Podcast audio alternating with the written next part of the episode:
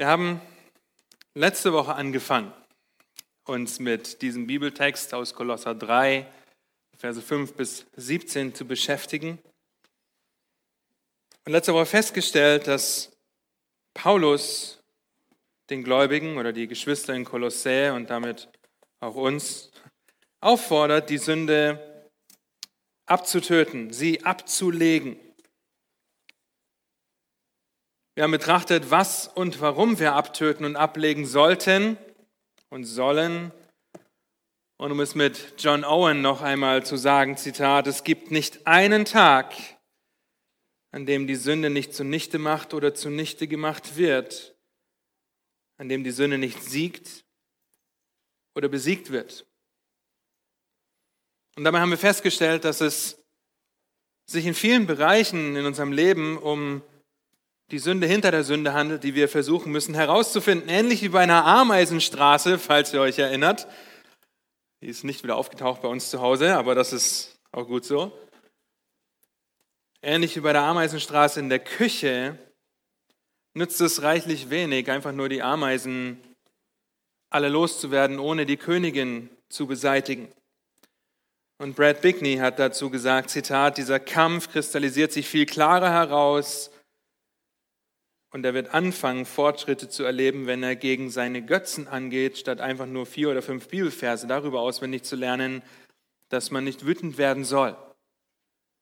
Es geht darum, die Sünde hinter der Sünde zu erkennen. Warum werde ich überhaupt wütend? Und in Römer 6 schreibt Paulus, also auch ihr, haltet euch selbst dafür, dass ihr für die Sünde tot seid aber für Gott lebt in Christus Jesus, unserem Herrn. So soll nun die Sünde nicht herrschen in eurem sterblichen Leib, damit ihr der Sünde nicht durch die Begierden des Leibes gehorcht. Gebt euch, gebt auch nicht eure Glieder der Sünde hin als Werkzeuge der Ungerechtigkeit, sondern gebt euch selbst Gott hin als solche, die lebendig geworden sind aus den Toten und eure Glieder Gott als Werkzeuge der Gerechtigkeit. Denn die Sünde wird nicht herrschen über euch, weil ihr nicht unter dem Gesetz seid, sondern unter der Gnade. Und so der Herr will, werden wir zu diesem Text noch kommen, wenn wir den Römerbrief am Mittwoch behandeln. Und in Kolosser Kapitel 2, ein Kapitel vor den Versen, die wir betrachten, schreibt Paulus an die Kolosser. In ihm, ab Vers 11 heißt es, in ihm Seid auch ihr beschnitten mit einer Beschneidung, die nicht von Menschenhand geschehen ist, durch das Ablegen des fleischlichen Leibes der Sünden in der Beschneidung des Christus, da ihr ja mit ihm begraben seid in der Taufe. In ihm seid ihr auch mit auferweckt worden durch den Glauben an die Kraftwirkung Gottes, der ihn aus den Toten auferweckt hat. Er hat auch euch, die ihr tot wart in Übertretungen und dem unbeschnittenen Zustand eures Fleisches, mit ihm lebendig gemacht, dem er euch alle Übertretungen vergab und er hat die gegen uns gerichtete Schuldtrift ausgelöscht, die durch Satzungen uns entgegenstand und hat sie aus dem Weg geschafft, indem er sie ans Kreuz heftete. Als er so die Herrschaften und Gewalten entwaffnet hatte, stellte er sie öffentlich an den Pranger und triumphierte über sie an demselben. Und dann in Kapitel 3 zeigt er den Fokus auf, den die Kolosse haben sollten in den ersten vier Versen, wenn er schreibt, wenn ihr nun mit Christus auferweckt worden seid, so sucht das, was droben ist, wo der Christus ist, sitzen zur Rechten Gottes. Trachtet nach dem, was droben ist, nicht nach dem, was auf Erden ist. Denn ihr seid gestorben und eure Leiber und euer Leben ist verborgen mit dem Christus in Gott. Wenn der Christus unser Leben offenbar werden wird, dann werden wir auch mit ihm offenbar werden in Herrlichkeit. Und danach kommt er zu den Versen, die wir letztes Mal begonnen haben, uns anzuschauen. Und beginnt sie mit, tötet darum, tötet daher, deshalb die Sünde, weil wir der Sünde gestorben sind und in Christus leben. Lasst uns diesen Text gemeinsam lesen, bevor wir den Herrn um seine Hilfe bitten für die Predigt, die folgt. Kolosser 3, Vers 5 bis 17. Gottes Wort sagt, tötet daher eure Glieder, die auf Erden sind. Unzucht, Unreinheit, Leidenschaft, böse Lust und Habsucht, die Götzendienst ist. Um dieser Dinge willen kommt der Zorn Gottes über die Söhne des Ungehorsams Unter ihnen seid auch ihr einst gewandelt, als ihr in diesen Dingen lebtet. Jetzt aber legt auch ihr das alles ab. Zorn, Wut, Bosheit, Lästerung, hässliche Redensarten aus eurem Mund. Lügt einander nicht an, da ihr den alten Menschen ausgezogen habt mit seinen Handlungen und den neuen angezogen habt, der erneuert wird zur Erkenntnis nach dem Ebenbild dessen, der ihn geschaffen hat. Wo nicht Grieche noch Jude ist, weder Beschneidung noch Unbeschnittenheit, noch Barbars, Güte, Knecht, Freier, sondern alles und in allen Christus. So zieht nun an, als Gottes auserwählte, heilige und geliebte, herzliches Erbarmen, Freundlichkeit, Demut, Sanftmut, Langmut, ertragt einander und vergebt einander, wenn einer gegen den anderen zu klagen hat, gleich wie Christus euch vergeben hat, so auch ihr. Über dies alles aber zieht die Liebe an, die das Band der Vollkommenheit ist. Und der Friede Gottes regiere in euren Herzen, zu diesem seid ihr ja auch berufen, in einem Leib und seid dankbar. Lasst das Wort des Christus reichlich in euch wohnen, in aller Weisheit. Lehrt und ermahnt einander und singt in Psalmen und Lobgesängen und geistlichen Liedern dem Herrn lieblich in euren Herzen. Und was ihr mir tut, in Wort oder Werk, das tut alles im Namen des Herrn Jesus und dank Gott, dem Vater, durch ihn. Ich möchte beten.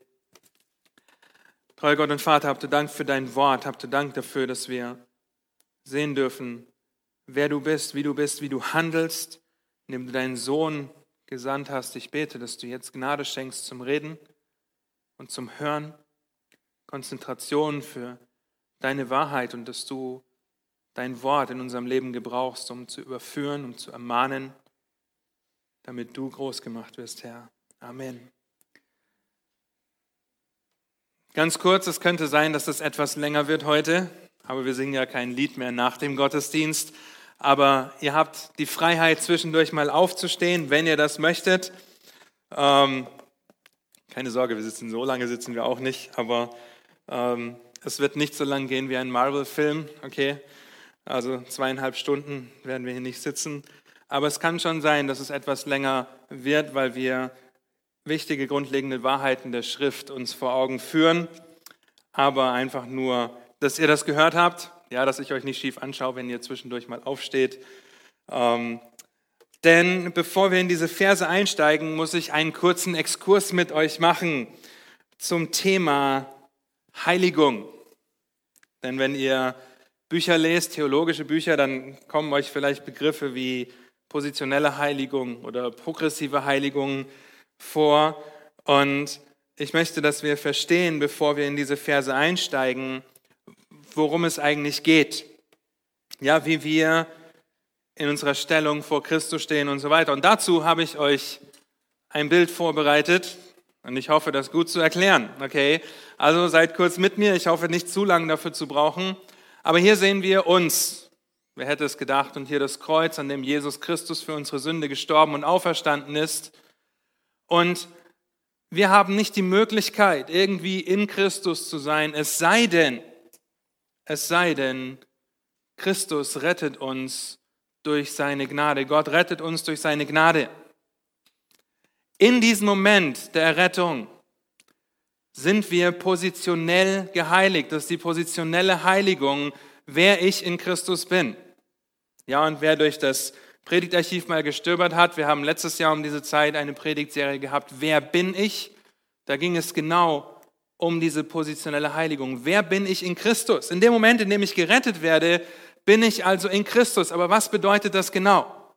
Das bedeutet, dass ich perfekt geheiligt schon jetzt vor Gott stehe. Das heißt, Gott schaut mich durch die Brille Jesus an. Okay, wenn Gott mich jetzt anschaut, dann sieht er Christus. Das bedeutet aber auch, wenn wir schon hier wären, dass wir nicht mehr sündigen. Ja, weil keiner von uns perfekt ist.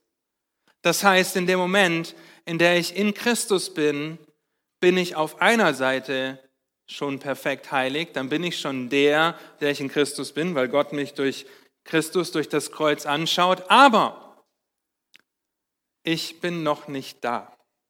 Und das ist diese progressive, diese fortschreitende Heiligung, habt ihr vielleicht auch schon gehört, dieses Wort, zu dem zu werden, wer ich in Christus schon bin.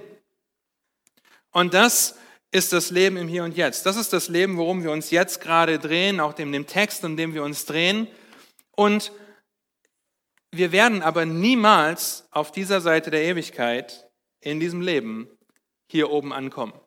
Okay? Keiner von uns kann irgendwann sagen, ich bin perfekt, ich sündige nicht mehr, ja, ich tue nichts mehr, was Gott widerspricht im Denken, im Sagen und im Handeln.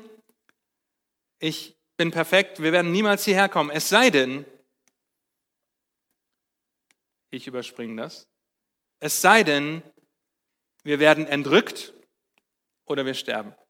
Okay, weil in dem Moment werden wir zu dem, wer wir in Christus schon sind.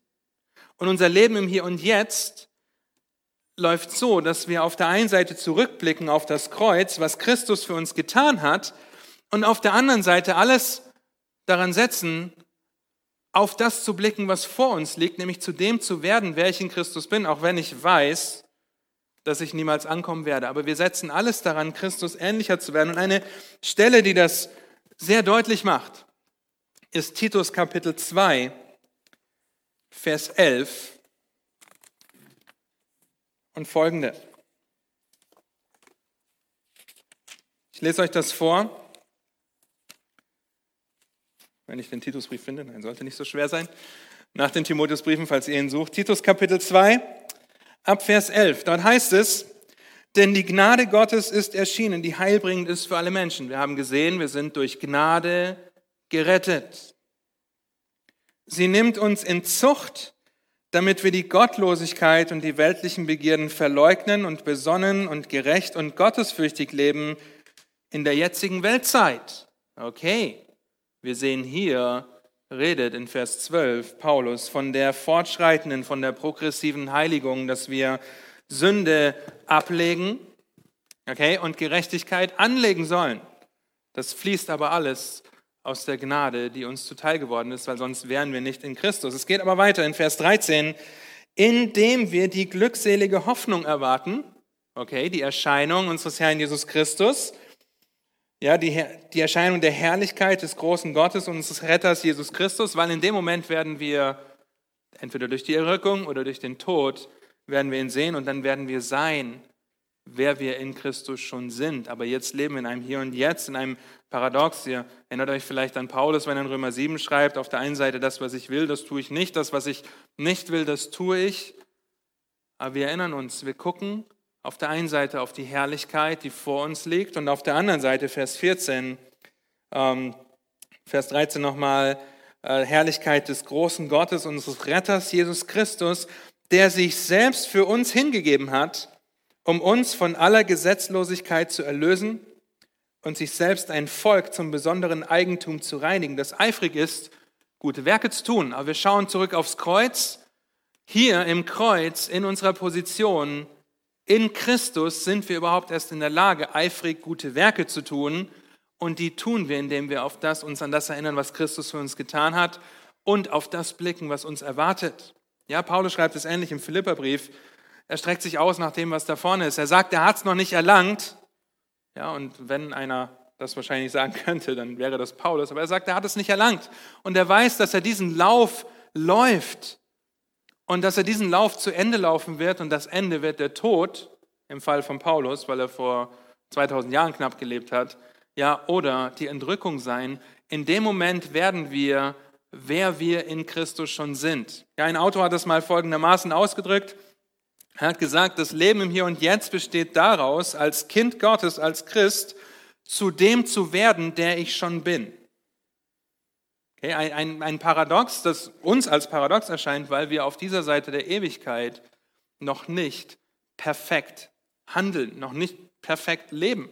Ja, wir haben keine Chance, ein sündloses Leben zu führen auf dieser Seite der Ewigkeit, aber wir sollen geistlich wachsen und dann befinden wir uns wieder im Kolosserbrief. Und als Abschluss nur für euch, nur für euch ein Quiz, um nochmal kurz diese Worte zu uns in Erinnerung zu rufen. Positionelle Heiligung, progressive und perfekte Heiligung, die sind durcheinander.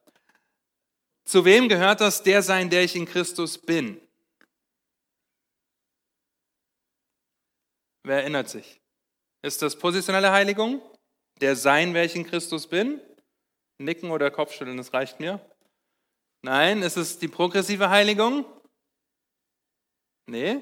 Okay, dann bleibt nur noch eins übrig. Gut. Ja, es ist der sein, der ich in Christus bin, wenn ich perfekt geheiligt bin. Ja, wenn ich nicht mehr keine Sünde, kein Leid, kein Schmerz, keine Rebellion gegen Gott. Dann geht es weiter. Wer ich in Christus bin. Und wenn ihr das rausgefunden habt, ist das letzte einfach. Okay?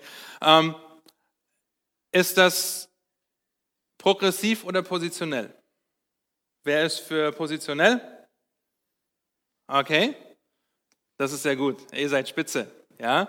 Und jetzt für alle, die bis jetzt noch nicht aufgepasst haben, zu dem werden, wer ich in Christus bin, logischerweise progressive Heiligung. Ja, wir werden zu dem, der wir schon sind, aber letztendlich zu dem zu werden in der Perfektion, werden wir erst mit dem Tod und der Auferstehung. Aber das ist wichtig zum Vor, als, als Gedanke davor, bevor wir uns mit unserem Text heute beschäftigen, weil wir verstehen müssen, dass wir nach wie vor in der Lage sind, zu sündigen.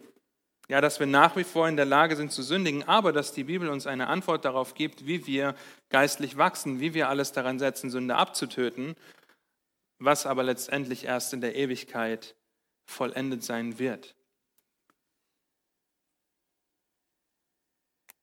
Als kurzer Exkurs hat das gedient. Wir wollen darüber nachdenken, wenn wir uns an unseren Text wenden, dass wir auf der einen Seite auf das Kreuz blicken und auf der anderen Seite auf die Ewigkeit warten, darauf blicken, wie wir eines Tages verherrlicht sein werden.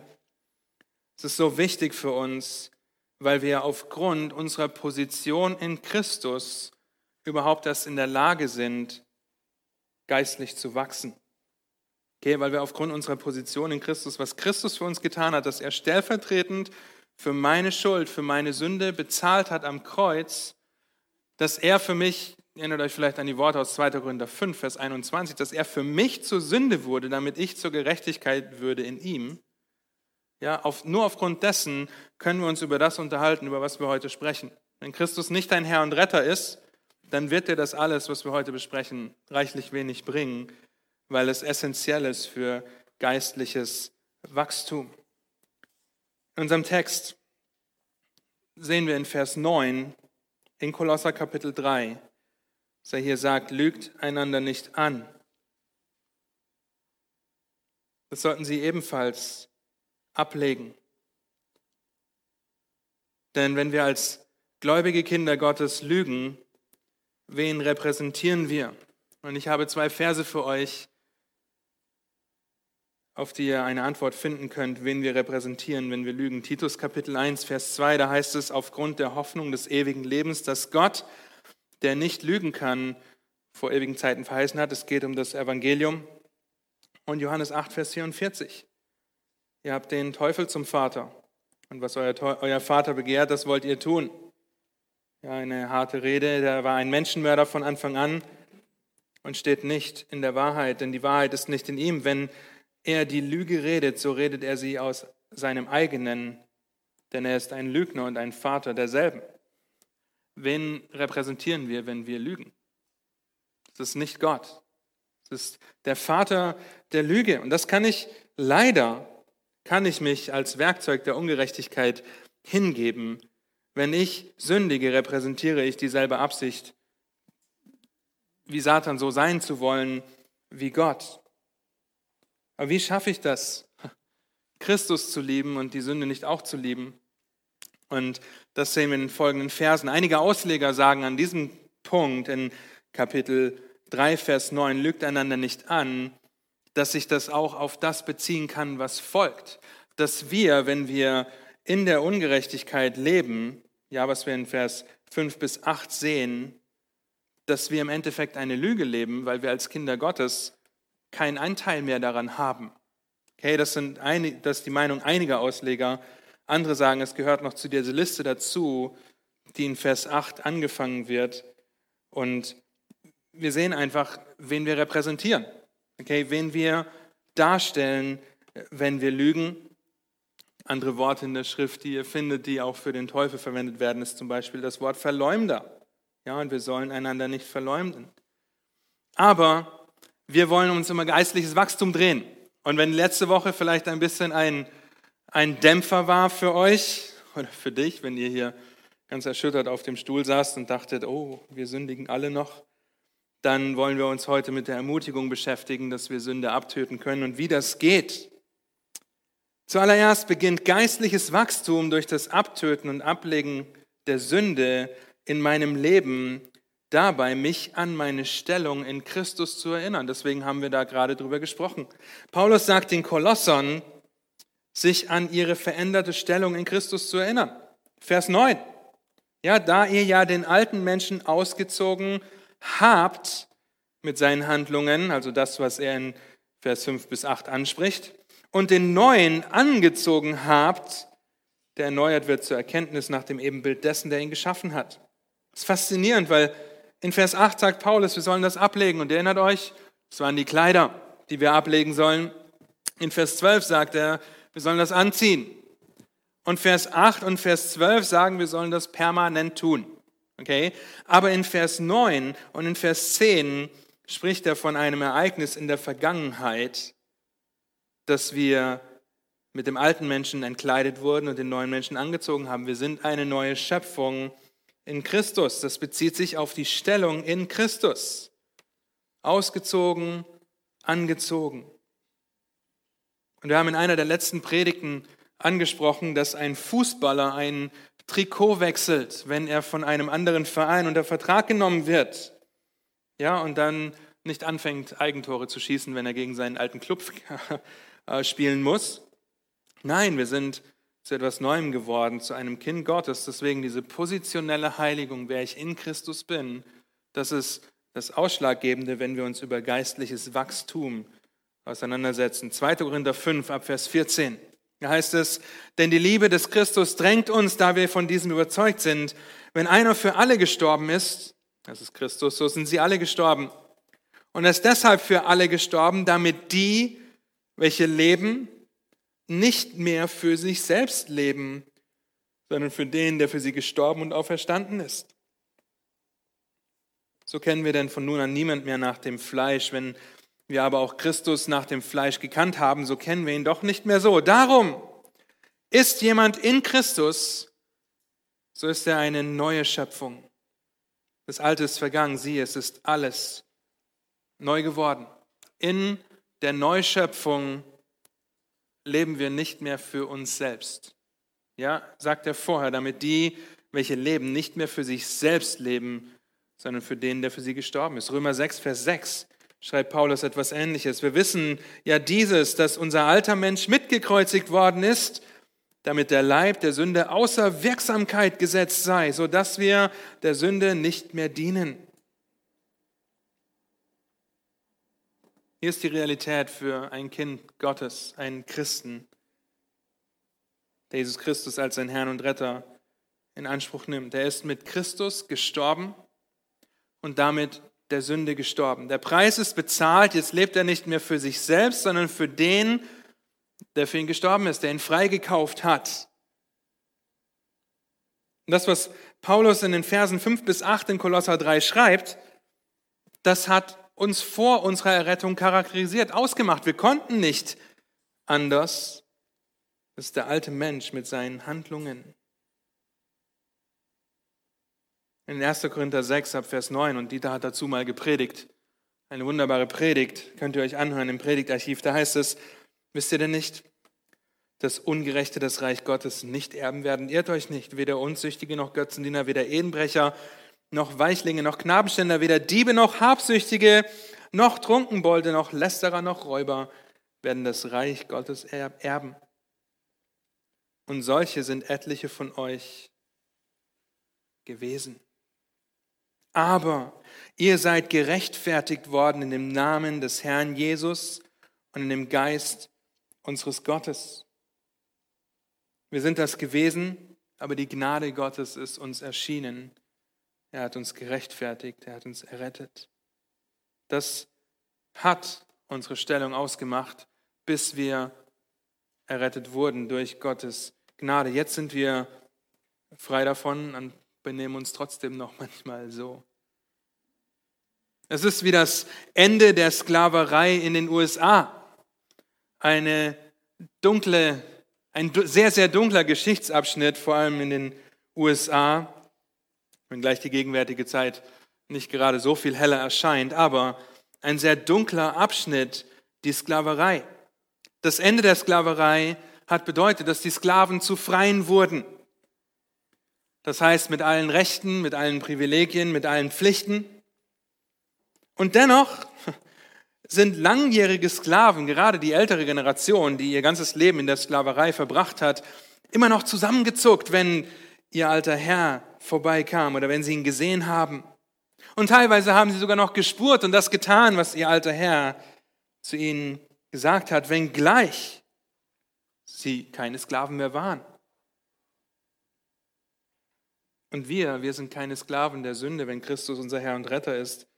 Aber wir zucken noch zusammen und lassen uns manchmal als Werkzeuge der Ungerechtigkeit gebrauchen. Deswegen müssen wir uns unsere Stellung in Christus erinnern. Das Alte ist vergangen, siehe, es ist alles neu geworden. Das geschah mit dem Zeitpunkt deiner Errettung. In diesem Moment, schreibt ein Autor, Zitat, ist der neue Mensch hingegen der regenerierte Mensch.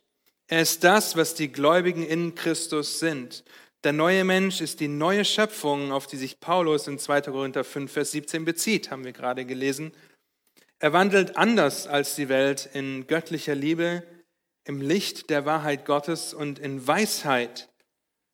Er liebt Gottes Gesetz und Gottes Sohn hasst die Sünde und strebt nach Gerechtigkeit. Aber warum sündigen wir dann immer noch? Und die Antwort ist, weil wir unser totes Fleisch, den Menschen oder die alte Natur mit uns rumschleppen, auch wenn sie uns nicht mehr ausmacht. Deshalb sagt Paulus in Römer 7, Vers 24, elender Mensch, wer wird mich erlösen von diesem Todesleib?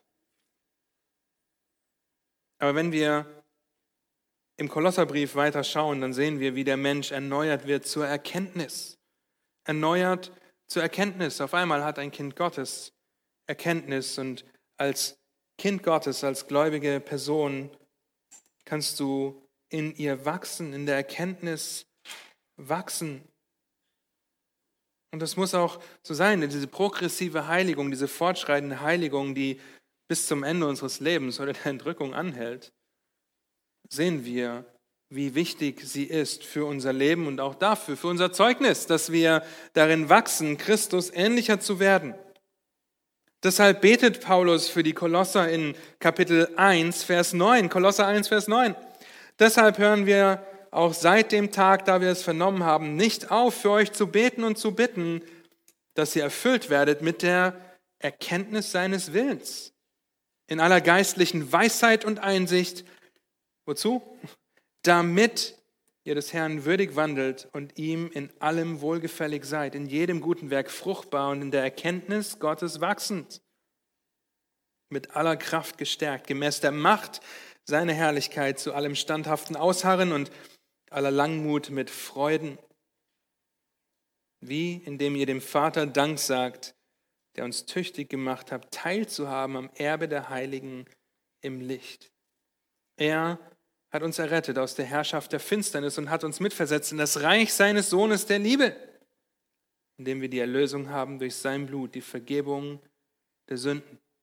Die Grafik, die wir gerade hatten, hätten wir auch an dieser Stelle anschauen können.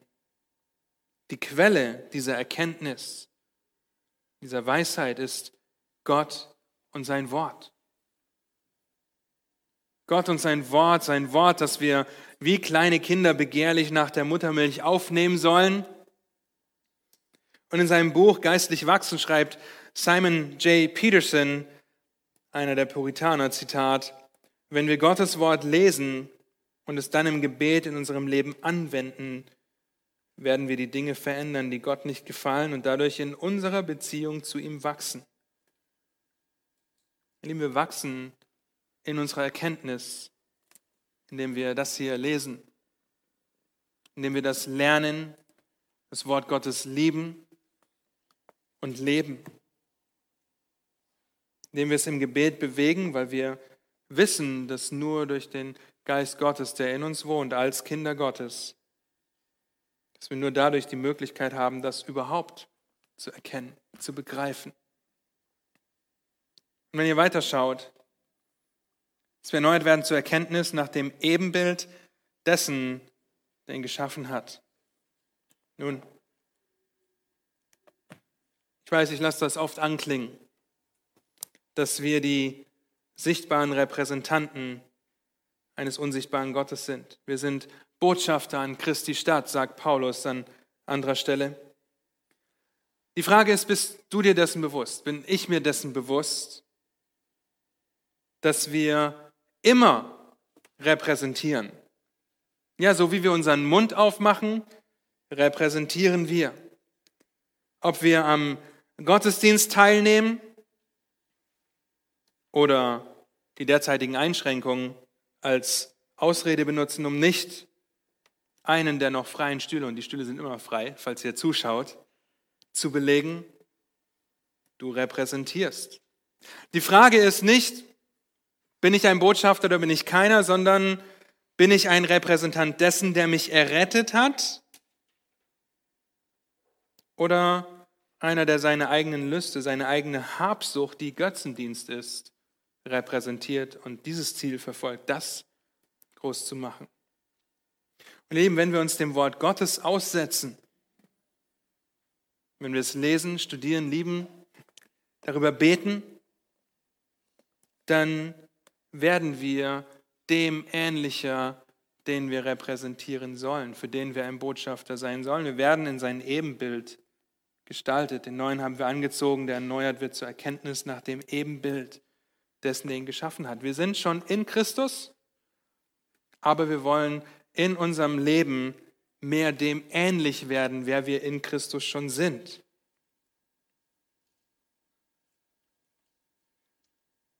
Und dazu müssen wir den kennen, den wir repräsentieren. Und wir sind Botschafter durch Umstände, Situationen und Herausforderungen in diesem Leben. In den Herausforderungen, die du gerade durchmachst, den Umständen oder den Beziehungen, die vielleicht zerbrochen sind oder den Herausforderungen, weil du eine Krankheit diagnostiziert bekommen hast oder andere Dinge erlebst, wirst du repräsentieren? Wirst du ein Botschafter sein? Wie du auf die Diagnose Krebs oder Diabetes reagierst, zeigt, wen du repräsentierst. Wie du auf ungehorsame Kinder reagierst, zeigt, wen du repräsentierst. Wie du auf deinen Familienstand reagierst, zeigt, wen du repräsentierst wie du auf das reagierst, was du willst, aber nicht bekommst, zeigt, wen du repräsentierst. Deswegen kann Paulus in Römer 8, Vers 28 auch davon schreiben, dass denen, die Gott lieben, alle Dinge zum Besten dienen, die nach seinem Vorsatz berufen sind. Aber wir sind oft in den Situationen, wir meinen, okay, das dient mir aber nicht zum Besten. Was ist hier los? Wenn dieser Vers in der Bibel steht und das sagt, was ist los? Ist Gott ein Tyrann? Nein, wir müssen uns die Frage stellen, wen wir dadurch repräsentieren und was das Ziel des Ganzen ist. Und so oft denken wir, es ist nicht das Beste, wenn ich nicht meine Ruhe bekomme, wenn ich nicht meine Anerkennung bekomme, den Besitz oder die Habsucht, wie auch immer. Nun aber nach Römer 8, Vers 28 hört dieser Text nicht auf. Es gibt ein 8, Vers 29 und da sehen wir das Ziel dessen und warum es uns zum Besten dient. Da heißt es, denn die er zuvor ersehen hat, die hat er auch vorherbestimmt, dem Ebenbild seines Sohnes gleichgestaltet zu werden, damit er der Erstgeborene sei unter vielen Brüdern.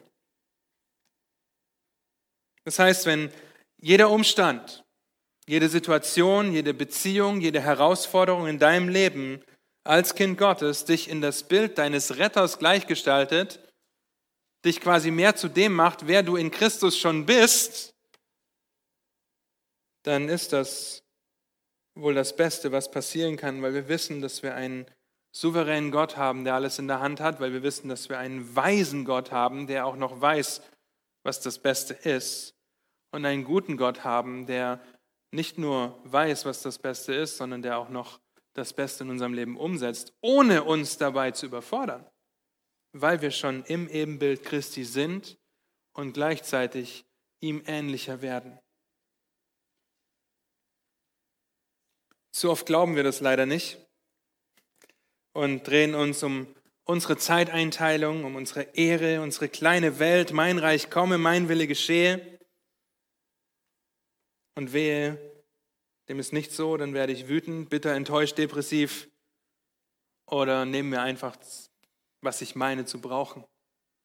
Und ihr Lieben, wenn wir uns an unsere Stellung in Christus erinnern, dann können wir erkennen, dass das nichtig ist, was wir meinen zu brauchen, wenn Gott uns das Beste gibt, weil wir in Christus schon alles haben, was wir zu einem Leben in Gottesfurcht brauchen, um ihn besser zu repräsentieren. Das heißt, wir töten Sünde ab, indem wir uns daran erinnern, wer wir in Christus sind. Indem wir auf das Kreuz blicken als allererstes und uns dann in den Herausforderungen unseres Lebens daran erinnern, dass es um den Zeitplan Gottes, um die Ehre Gottes geht, damit wir lernen, unserer Stellung ähnlicher zu werden. Erinnere dich an die Stellung in Christus. Und diese Stellung in Christus sehen wir in Vers 11 noch ein bisschen ausgeschmückt, ausgeführt.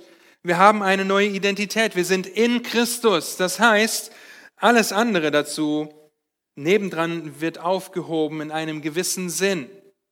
Okay, wir lesen das in Vers 11. Wo nicht Grieche, also in Christus, wo nicht Grieche noch Jude ist, weder Beschneidung noch Unbeschnittenheit, noch Barbars, Güte, Knecht oder Freier, sondern alles und in allen Christus. Nun, das heißt nicht, dass auf einmal alle Sklaven zu dieser damaligen Zeit, die gläubig wurden, frei sind und sich darauf berufen konnten, sondern sie haben eine neue Identität. Und das drückt ein Kommentator folgendermaßen aus. Es gibt jetzt keinen Unterschied mehr, der sich aus einem anderen Land oder aus einem anderen Lebensbedingungen und Umständen ergibt. Es ist ebenso sehr die Pflicht des einen wie des anderen, heilig zu sein und ebenso das Vorrecht des einen wie das des anderen, durch Gottes Gnade befähigt zu werden, heilig zu sein. Christus ist gekommen, um alle Trennwände niederzureißen, damit alle auf die gleiche Ebene vor Gott stehen können, auf der gleichen Ebene vor Gott stehen können, sowohl in der Pflicht als auch im Privileg. Der Grund ist Christus, alles in allem. Christus ist alles für einen Christen, sein einziger Herr und Erlöser und all seine Hoffnung ist sein Gl und sein Glück. Und für diejenigen, die geheiligt sind, der eine wie der andere und was auch immer sie in anderer Hinsicht sind, ist er alles, in allem das Alpha und das Omega, der Anfang und das Ende. Er ist alles in allem für sie. Zitat Ende. Paulus macht hier nicht die Verantwortung des Einzelnen oder die biblische Rollenverteilung zunichte. Vielmehr betont er die Einheit in Christus als Stellung, die wir vor Gott haben. Und hier sehen wir, wie wir auch davon lernen können. Ja, wir haben uns am Mittwoch als Älteste darüber unterhalten, über die ganze Rassismusdebatte, falls ihr euch erinnert oder die Nachrichten verfolgt. Es ist schrecklich, was läuft, aber Menschen versuchen auf weltliche Weise, ohne, ohne Gottes Wort, irgendwie tolerant miteinander umzugehen. Und wir haben festgestellt, dass Paulus in Apostelgeschichte 17 sagt, dass wir alle in einem Blut sind oder einem Blut entstammen, nämlich dem Blut Adams. Das heißt, Rassismus ist völlig abwegig und biblisch absolut nicht zu vertreten. Und wir sehen dann weiter auch im Neuen Testament, wie Christen, Kinder Gottes, im Blut Jesu zu einer neuen Stellung in Christus kommen wo der Rest aufgehoben wird. Wenn wir ein Repräsentant sind gegen Rassismus, wer, wenn dann nicht Kinder Gottes, die erlöst sind durch das Blut des Retters. Das als ganz kleiner Einschub zu diesem großen Thema, das zurzeit auf der Weltbühne stattfindet. Wir sehen unsere Stellung in Christus, die aber die Verantwortung nicht aufhebt. Du wirst weiter Ehefrau sein, du wirst weiter Mutter sein, Arbeitnehmer, vielleicht hast du Verantwortung für ein Team. Es wird es nicht aufheben, aber die Stellung in Christus, wir stehen in der gleichen Stellung vor Gott. Das heißt, um die Ameisenkönigin zu bekämpfen, um zur Ameisenstraße zurückzukehren, muss ich das richtige Gegenmittel haben, um das erfolgreich zu tun. Es wird reichlich wenig bringen, Zucker auf den Ameisenbau zu streuen. Es wird reichlich wenig bringen, es mit ein bisschen Backpulver zu probieren. Wenn ich das Gegenmittel kenne und die Sicherheit habe, dass es funktioniert, dann kann ich zur Tat schreiten. Und meine Stellung in Christus ist das erste Gegenmittel gegen die Sünde in meinem Leben. Sei dir deiner Stellung in Christus bewusst. Denn Christus hat, denn in Christus hat Gott uns alles gegeben, was wir zu einem gottesfürchtigen Leben nötig haben, das in der Lage ist, Sünde abzutöten. Das könnt ihr in, 1., in 2. Petrus 2 nachlesen. Hier ist das, was wir bisher gesehen haben. Töte deine Sünde, lege sie ab. Und wie ich das letzte Mal schon gesagt habe, ich bin davon überzeugt, wenn wir unsere Herzen, unsere Gedanken, Motive hier ausbreiten würden, ja, dann wären all diese Dinge, die in Versen 5 bis 8 aufgelistet werden, vielleicht vorhanden, wahrscheinlich vorhanden. Weil wir nicht bereit sind, die Steine loszulassen, die Sünde loszulassen, um das Fahrrad aufzuheben.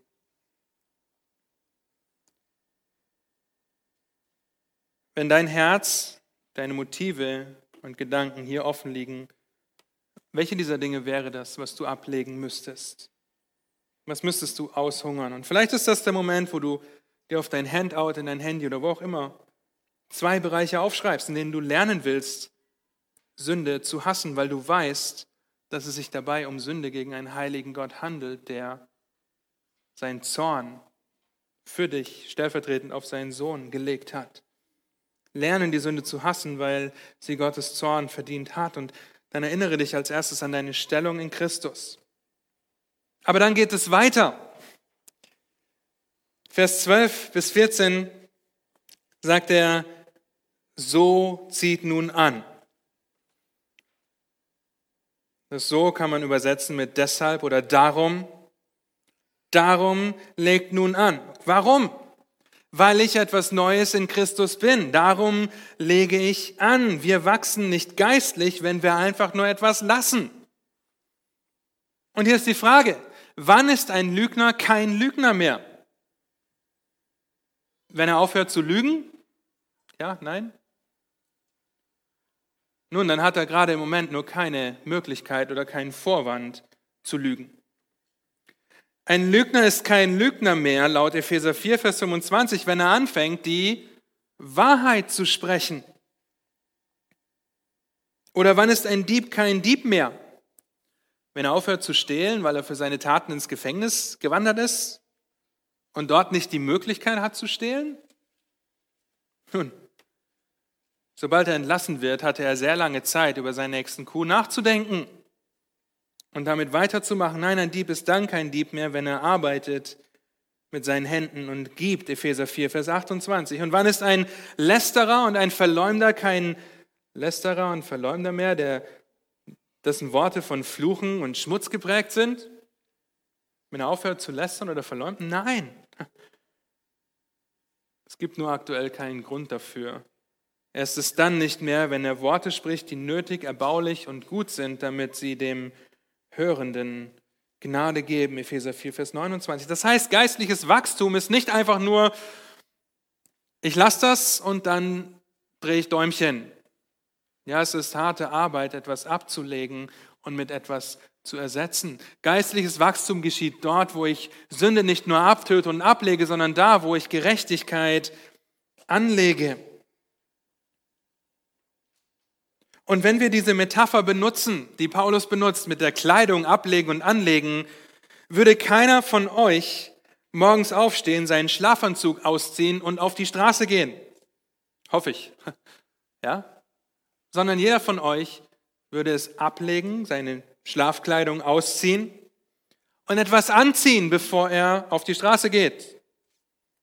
Das heißt, etwas anzulegen, etwas anzuziehen, ist von sehr großer Bedeutung, bevor man das Haus verlässt.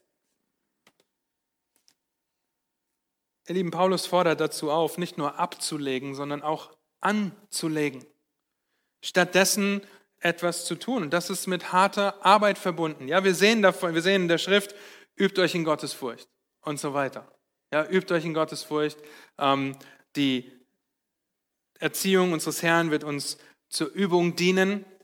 Und das ist ein sportlicher Begriff, in dem sich ein Sportler auf die Olympiade vorbereitet. Das macht er nicht zwei Tage vor der Olympiade, sondern die ganze Zeit, weil er nicht nur nach dem Motto lebt, dabei sein ist alles, sondern ich will die Goldmedaille. Das heißt, er wird seine Muskeln anstrengen, er wird sie dehnen, zerren, ziehen, er wird sich vielleicht überdehnen in manchen Bereichen. Ja, aber er wird üben, er wird üben, er wird üben, er wird anziehen. Das heißt, wir legen nicht nur ab, sondern wir legen an. Und wozu fordert Paulus hier auf? Zieht nun an als Gottes auserwählte Heilige und Geliebte herzliches Erbarmen, Freundlichkeit, Demut, Sanftmut und Langmut. Ertragt einander und vergebt einander, wenn einer gegen den anderen zu klagen hat, gleich wie Christus euch vergeben hat, so auch ihr. Geistliches Wachstum, Anlegen geschieht durch Dienen. All diese Dinge beziehen sich auf unser Miteinander wie wir miteinander umgehen sollen. Demut, Sanftmut, Langmut, das sind drei Charakterzüge, die der damaligen wie der heutigen Welt unbekannt sind. Wer demütig ist, ist der Schuhabtreter. Ja, wer sanftmütig ist, was will der schon sagen? Und in einer Instant-Gesellschaft langmütig zu sein, geduldig zu sein, hui, ja, wird sehr spannend. Aber vorher sagt er noch herzliches Erbarmen und Freundlichkeit. Wenn du Mutter oder Vater bist, können deine Kinder, deine Familie oder deine Geschwister von dir bezeugen und behaupten, dass du barmherzig und freundlich bist.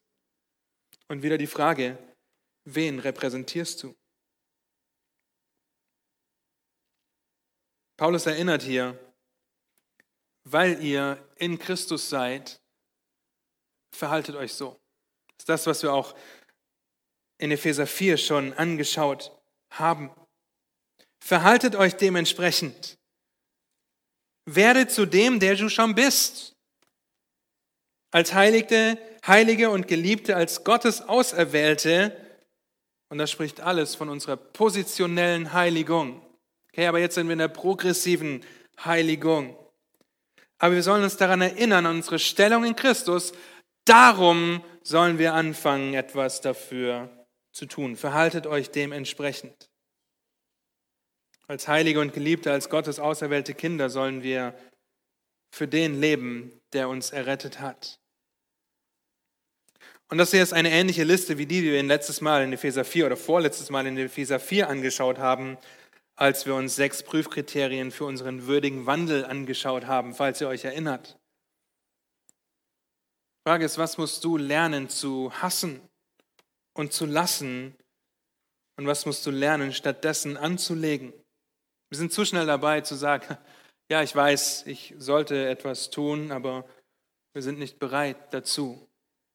Ihr Lieben, wenn wir in den Versen 5 bis 8 gefangen sind, wenn du in diesen Versen gefangen bist, weil du deine Sünde so sehr liebst, wirst du Verse 12 bis 14 nicht leben können.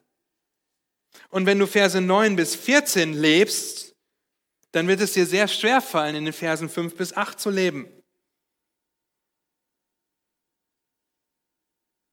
Wir haben jetzt nicht die Zeit, jeden einzelnen dieser Punkte durchzugehen, die wir anlegen sollen, aber die meisten von euch haben ein Tablet oder ein iPhone auf dem ihr diese Worte eingeben könnt, die es euch in der Schrift angezeigt wird. Aber dann nicht einfach nur okay, die Warnung, nicht einfach nur irgendeinen Vers rausfinden, in dem es um Demut geht, ja, sondern den Kontext beachten und sehen, wie das im Kontext angewandt wird, um davon zu lernen, um das zu studieren, was wir anlegen sollen, wie genau das aussehen kann.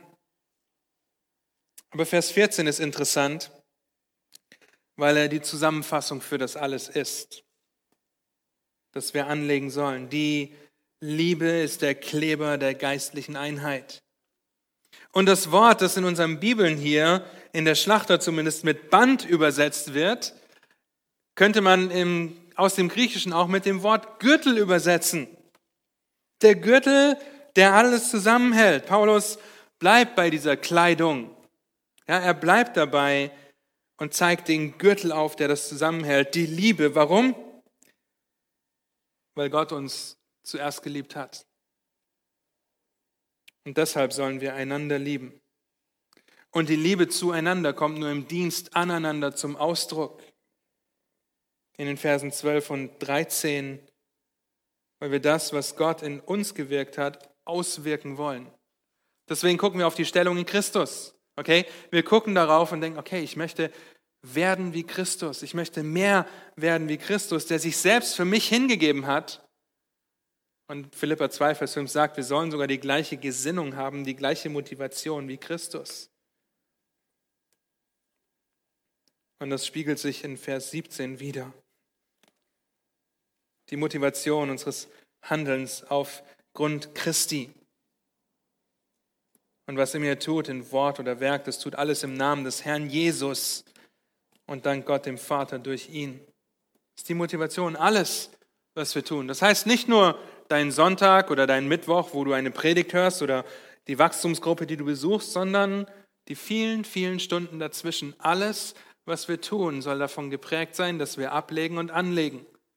Zwar Sünde ablegen, Gerechtigkeit anlegen und das ist harte Arbeit. Das ist Übung, wie wir unsere Muskeln anspannen, wie wir unsere Hirne zum Qualmen bringen, weil wir darüber nachdenken, okay, ich möchte Sünde abtöten durch den Geist, der in mir wirkt und möchte Gerechtigkeit anlegen. Aber das geht nicht ohne die Verse 15 und 16. Diese Verse zeigen uns auf, dass es um die Erneuerung der Gesinnung geht. Okay, es geht um die Erneuerung unserer Gesinnung bevor wir überhaupt ablegen und abtöten können. Erneuere deine Gesinnung mit dem Frieden Gottes. Und der Friede Gottes regiere in euren Herzen, heißt es hier. Denn zu diesem seid ihr ja auch berufen in einem Leib und seid dankbar.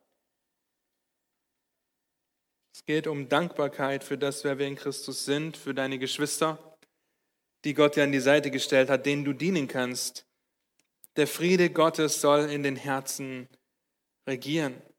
Und er regiert schon, weil Christus für uns Frieden mit Gott gemacht hat. Nochmal ein Zitat. Frieden ist nicht nur objektiv und subjektiv, sondern auch beziehungsorientiert. Die Gläubigen werden aufgerufen, als ein einziger Leib in Frieden zu leben. Menschen, die Frieden mit Christus haben und ihrem eigenen Herzen haben, werden in Einheit und Harmonie miteinander leben. Um ein friedliches Herz zu bewahren, muss man dankbar sein. Dankbarkeit ist ein ständiges Thema im Kolosserbrief. Dankbarkeit kommt den Gläubigen ganz natürlich als Antwort auf alles, was Gott getan hat, während Undankbarkeit die Ungläubigen kennzeichnet. Ein Geist der demütigen Dankbarkeit gegenüber Gott wird unweigerlich unsere Beziehung zu anderen Menschen beeinflussen. Frieden und Dankbarkeit sind daher eng miteinander verbunden. Zitat Ende. Nehmen wir haben Frieden mit Gott. Bist du dir dessen bewusst? Wenn du ein Kind Gottes bist, hast du Frieden mit Gott. Und das sollte dich motivieren, das sollte dich dankbar machen für das, was er getan hat und wie du an deinen Geschwistern reagierst. Und Vers 16 ist für Musiker, ein paar sind hier, ja, mit einer der bekanntesten Verse. Lasst das Wort des Christus reichlich in euch wohnen. Es ist einer der, von zwei Versen, die direkt über das Musizieren redet. In aller Weisheit lehrt und ermahnt einander und singt mit Psalmen, und Lobgesängen und geistlichen Liedern dem Herrn lieblich in euren Herzen. In Epheser 5, der Parallelstelle dazu, sehen wir, dass wir einander zusingen sollen. Das Wort des Christus sollen wir reichlich in euch wohnen lassen. Das Wort des Christus ist das Wort Gottes. Der offenbarte Ratschluss unseres Herrn. Das Wort Gottes, das nützlich ist zur Belehrung, zur Überführung, zur Zurechtweisung, zur Erziehung in der Gerechtigkeit, damit der Mensch Gottes ganz zubereitet sei zu jedem guten Werk, völlig ausgerüstet. 2. Timotheus 3, Vers 16 und 17. Es ist das Wort Gottes, das lebendig und wirksam und schärfer als jedes zweischneidige Schwert ist. Und es dringt durch, bis es scheidet sowohl Seele als auch Geist, sowohl Mark als auch Bein. Und es ist ein Richter der Gedanken und Gesinnungen des Herzens, Hebräer 4, Vers 12. Es ist das Wort Gottes, das wir reichlich in uns leben lassen sollen, wohnen lassen sollen, um geistlich zu wachsen. Und ein Kommentator hat gesagt, dem Bewohner gehört das Haus. Dem Bewohner gehört das Haus. Lässt du Gottes Wort reichlich in dir wohnen oder ist es einfach nur ein Gast auf der Durchreise? bewohnt das, das Haus, dem Bewohner gehört das Haus. Das heißt, ihr solltet Gottes Wort lesen, solltet es lernen, ihr solltet es lieben, ihr solltet es leben. Die Frage ist, würde Biblin aus deinen geistlichen Adern laufen, wenn ich heute eine Operation an deinem geistlichen Herzen vor, vornehme? Oder wäre das was anderes, was rauskommt. Und wir sehen auch hier, dass unser geistliches Wachstum, diese progressive Heiligung, ein Gemeinschaftsprojekt ist. Wir sollen das aneinander tun. Wir sollen einander ermahnen, einander lernen, lehren. Wir sollen uns zusingen. Und zur Zeit trifft dieser Vers ganz gut zu, weil wir hier nicht singen dürfen. Das heißt, wir singen in unseren Herzen mit, hoffentlich wenn wir singen, Fels des Heils geöffnet mir.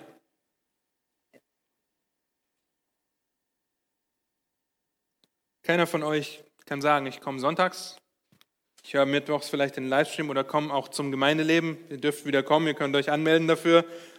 Und das war's. Den Rest der Woche lese ich zehn Minuten meine Bibel, um einen Haken zu machen Studiere sie aber nicht, weil ich zu faul bin, 30 Minuten früher aufzustehen, weil es scheinbar nichts bringt. Nun, dann kann ich nur sagen, töte deine Faulheit und deine Selbstsucht. Denn wenn du das Wort des Christus nicht reichlich in dir wohnen lässt, dann wird etwas anderes reichlich in dir wohnen. Und wie willst du deinen Bruder oder deine Schwester ermahnen, belehren und besingen? Wie soll das möglich sein, wenn es nicht Gottes Wort ist, was aus deinem Herzen kommt? Wir repräsentieren den unsichtbaren Gott, indem wir auf sein Wort blicken, sein Wort reichlich in uns wohnen lassen, damit sein Wort rauskommt. Denn wovon das Herz voll ist, davon redet der Mund. Das ist der Grund, warum wir bei intensiver Jüngerschaft oder Seelsorge auf Gottes Wort blicken und das Skalpell des Wortes Gottes nehmen, um am geistlichen Herzen anzusetzen, um zu sehen, wo wir geistlich wachsen müssen, einander zu ermahnen und zu erbauen. Und wenn ihr zu uns in diese intensive Jüngerschaft kommt, weil ihr in einem Bereich eures Lebens nicht weiterkommt, dann denkt nicht, dass eure Pastoren die Weisheit mit Löffeln gefressen haben und alles schon erreicht haben. Ja, die sind schon, die sind schon verherrlicht, die sind schon da. Nein, auf keinen Fall haben sie nicht. Okay, vielmehr ist es eine Zeit, in der, wenn ich sie durchführe mit Geschwistern, selbst so ermutigt und ermahnt werde, weil wir gemeinsam hier reinschauen, Gottes Wort anschauen und gemeinsam uns belehren lassen durch Gottes Wort. Es ist eine Hilfe, in bestimmten Bereichen etwas lenken zu können, weil wir als Älteste vielleicht sehen können, in welche Richtung wir biblisch auch gehen können? Bestimmt, aber wir haben die Weisheit nicht mit Löffeln gefressen, deswegen wurde sie uns als Buch in die Hand gedrückt. Okay, deswegen wurde sie uns im Wort Gottes gegeben. Das ist die Weisheit. Eine reale Person aus dieser Gemeinde hat mich vor einigen Wochen sehr ermutigt, als sie mir schrieb, und ich habe die ausdrückliche Erlaubnis dieser Person, das vorzulesen, ja, und das mit euch zu teilen. Sie schrieb mir, Hallo Sam, ich wollte nur ein kurzes Feedback zur biblischen Seelsorge geben. Psalm 23 tut mir sehr gut. Und dass ich so viel Zeit dafür habe auch. Und so habe ich keinen Druck dabei und kann, wie ich mir das schon länger mal vornehmen wollte, für einen Vers mehrere Tage Zeit nehmen, um nachzusinnen und lernen.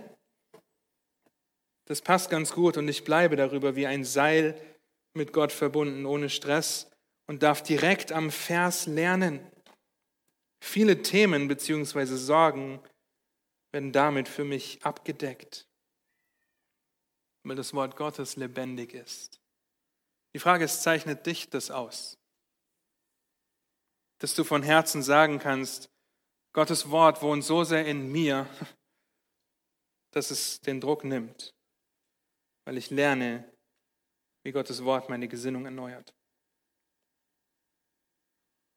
Und ich weiß, es ist vorangeschritten und wir wollen das Ganze zusammenfassen. In einem Beispiel, in einem praktischen Beispiel, um zu sehen, wie wir das anwenden können. Nehmen wir Karl. Ja, ich habe lange überlegt, welcher Name nicht in der Gemeinde vorkommt. Karl kommt bei uns nicht vor, vielleicht hat irgendjemand den zweiten Namen, dann tut mir das leid.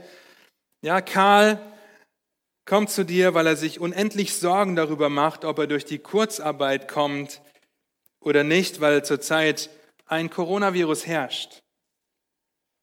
Aufgrund dessen verfällt er in depressive Züge, weil er a. nichts zu tun hat und b. zweitens ständig darüber nachdenkt, was wäre wenn? Was wäre wenn ich meinen Job verliere? Was wäre wenn? Nun, die Schrift sagt aber, sorgt euch um nichts, sorgt euch nicht um morgen an anderer Stelle, damit ist es Sünde, sich Sorgen zu machen. In seinen Sorgen fängt Karl an, seine Spenden für die Gemeinden einzustellen. Er fängt sogar an zu spielen, weil er sich erhofft, dadurch etwas Geld zu gewinnen, um über die Runden zu kommen, falls er seinen Job verliert. Und er beneidet die, die ihren Job sicher haben, weil sie zum Beispiel bei UPS arbeiten. Ja, und oder Lehrer sind oder wie auch immer. Jetzt sitzt er bei dir und sucht nach Hilfe. Und solche Gespräche kann sein, dass ihr die morgen habt zu Hause, wenn ihr Besuch habt oder wenn ihr mit eurer Familie telefoniert. Er sitzt bei dir, dass er irgendwie festgefahren ist, erkennt er, aber weiß nicht, wie er rauskommt. Nun, du stellst ihm die Frage, bittest ihm die Frage zu beantworten, mein Leben wäre sorgenfrei, wenn und er antwortet sofort, ich sicher wäre, meinen Job nicht zu verlieren. Nun, warum willst du deinen Job nicht verlieren? Das ist deine nächste Frage, worauf die Antwort kommt. Ich will finanziell abgesichert sein und nicht schon wieder zum Jobcenter müssen. Wir erforschen das Herz. Denn einfach nur an den Sorgen oder der Spielsucht zu arbeiten, hätte für eine kurze Zeit vielleicht etwas gebracht. Aber es wäre nicht das Herz hinter dem Ganzen. Karl will Sicherheit. Sicherheit und meint diese Sicherheit nur in finanzieller Absicherung zu finden. Und so denkt er falsch über die Situation, in der er steckt, vertraut nicht auf den souveränen, guten Gott, der jede Situation dazu gebraucht, um Karl in das Bild seines Sohnes gleich zu gestalten den Gott, der ihm absolute Sicherheit gibt, weil Karl sein Kind ist. Wir versuchen ihm zu helfen, seine Sicherheit bei Gott zu suchen, seine Stellung in Christus zu suchen. Das geht, indem er sich Bibelstellen wie Römer 8, Vers 31 und folgende vor Augen führt, dass ihn nichts aus der Hand Gottes reißen kann, auch nicht ein Jobverlust. Er darf lernen, dass falsche Sicherheit ihm die Fleischpötte in Ägypten vorgaukelt. Könnt ihr sehen, wenn das Volk Israel murrt und sich beschwert und nur an Fleisch und Knoblauch denkt, was sie in Ägypten so Tolles hatten. Er kann das nur sehen, aber er darf lernen, das abzulegen, dass er lernt, dass ihm das nur vorgegaukelt wird, wenn er meint, seine Sicherheit in finanzieller Absicherung zu haben. Er darf anlegen, zu geben, freundlich darauf zu vertrauen, dem Herrn zu vertrauen, langmütig zu sein, sanftmütig den Geschwistern zu dienen, ins Gebet zu gehen, sich in die Abhängigkeit von Gott zu stellen, sich natürlich in Situationen, in der sich Sorgen macht, an Gottes gute Souveränität zu erinnern. Ja, natürlich zur Tat zu schreiten, was seine Spielsucht angeht, aber wir wollen die Sünde am Herzen packen und nicht an einer Frucht. Seine Sorgen und seine Spielsucht sind aufgrund eines falschen Verständnisses von Sicherheit und eines falschen Verständnisses von Gott geprägt. Und der Prozess, in dem Veränderung stattfindet, ist, dass wir erkennen müssen, was soll ich denn ablegen? Was, was will ich überhaupt, wenn ich wütend werde? Und mich an die Identität in Christus zu erinnern, eine neue Gesinnung zu haben und durch die Erneuerung meiner Gesinnung, durch den Frieden und das Wort Gottes zur Tat zu schreiten. Und ich möchte an dieser Stelle zum Abschluss sehr klar und deutlich mit dir, mit euch werden, weil die Schrift uns dazu anhält, die Wahrheit in Liebe zu sprechen. Und das möchte ich an dieser Stelle tun. Denn als einer eurer Pastoren liegt es mir sehr am Herzen, dass ihr geistlich wachst. Und ich weiß, dass das das Anliegen von Daniel und Dieter auch ist.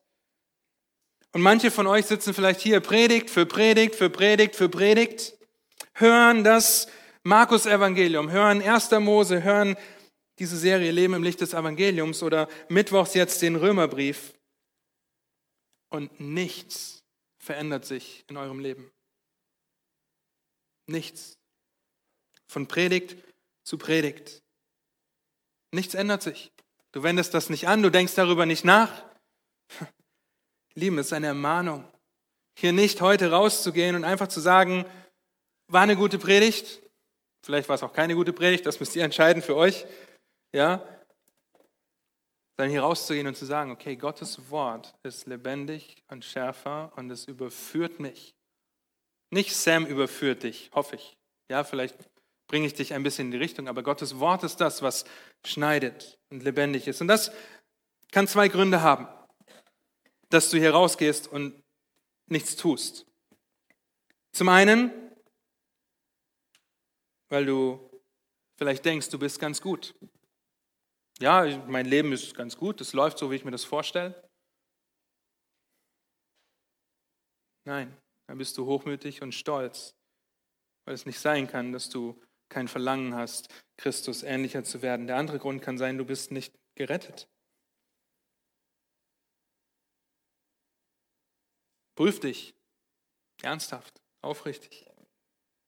Tue Buße und bekenne den Herrn Jesus als deinen Herrn und Retter, als den, der von Gott gesandt wurde. So sehr hat Gott die Welt geliebt. Wir erinnern uns an die Taufe letzte Woche. Ja, wunderbares Ereignis. So sehr hat Gott die Welt geliebt, dass es seinen eigenen Sohn gab, damit jeder, der an ihn glaubt, nicht verloren geht, sondern ewiges Leben hat. Wir sehen, wir dürfen unser Leben aufgeben. Wir leben nicht mehr für uns selbst, sondern leben für den, der für uns gestorben ist. Und das Erste ist, du bist zu hochmütig. Das Zweite vielleicht, du bist nicht gerettet.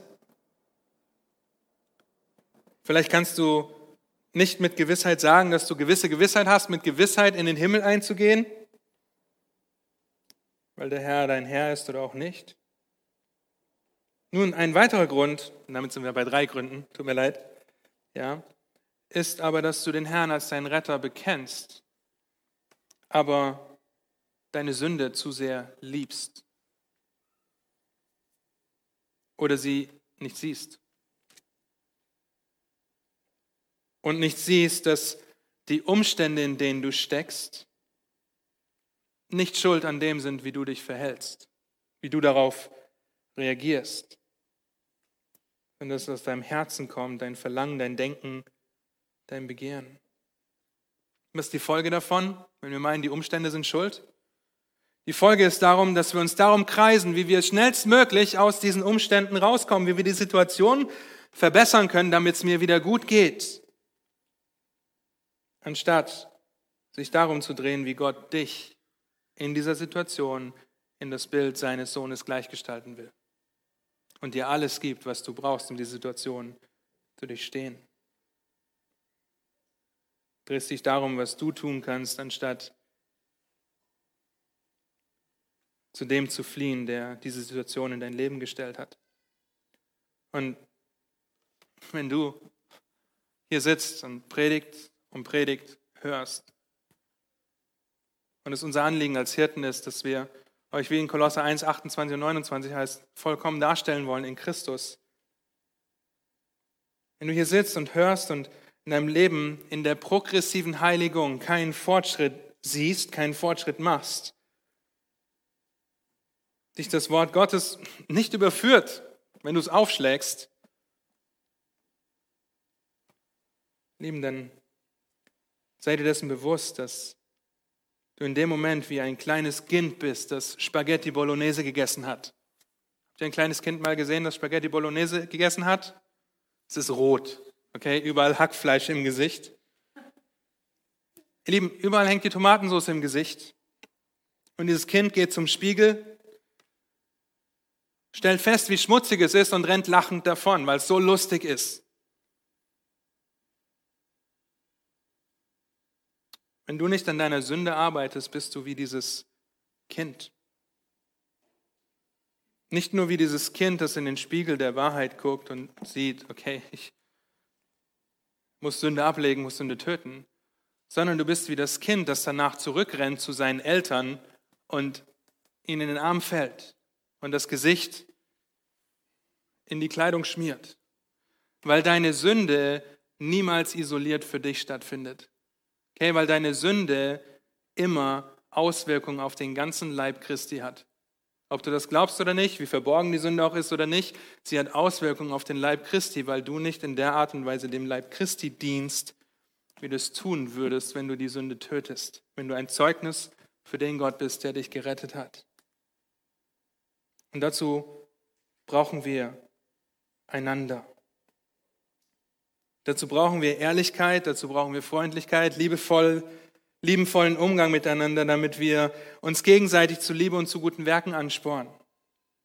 Ihr Lieben, ich brauche die Hilfe meiner Mitältesten, mich anzuspornen zu Liebe und zu guten Werken. Ich brauche die Hilfe meiner Wachstumsgruppe, vor allem den Männern meiner Wachstumsgruppe, die mich zur Rechenschaft ziehen, wo ich sie darum bitte, die mich aber geistlich ermahnen und anspornen, von denen ich lernen kann was es heißt, geistlich zu wachsen. Und ihr Lieben, das ist ein ernsthafter Aufruf an dich, wenn du hier jede Predigt mitkriegst oder nachhörst. Wenn sich dein Leben aufgrund des Wortes Gottes nicht änderst, du dir keine Schritte überlegst, wie du dem Herrn, der dich erlöst hat, ähnlicher werden kannst durch seine Gnade, dann lass dich nicht täuschen. Gottes Wort sagt, Gott widersteht dem Hochmütigen, dem Demütigen gibt er Gnade. Ein Leben im Licht des Evangeliums, im Licht der Wahrheit der Schrift sollte Auswirkungen auf unser ganzes Leben haben. Deshalb tue Buße, prüfe dich und setze da das daran, geistlich zu wachsen, indem du dir deiner Stellung in Christus bewusst bist, indem du nicht nur ablegst und einfach mal abwartest, sondern indem du anlegst indem du deine Gesinnung erneuerst durch das Wort Gottes, durch den Frieden Gottes, den er mit dir gemacht hat. Und wenn du Schwierigkeiten dabei hast, dann sei dir gewiss, dass jeder um dich herum kämpft, seine Sünde abzulegen und dass wir einander dazu brauchen. Ihr Lieben, Gottes Wort verändert uns, nicht ein Entfliehen der Umstände. Und so lasst das Wort Gottes reichlich in uns wohnen. Amen. Lass mich beten. Herr, du siehst diese Ernsthaftigkeit,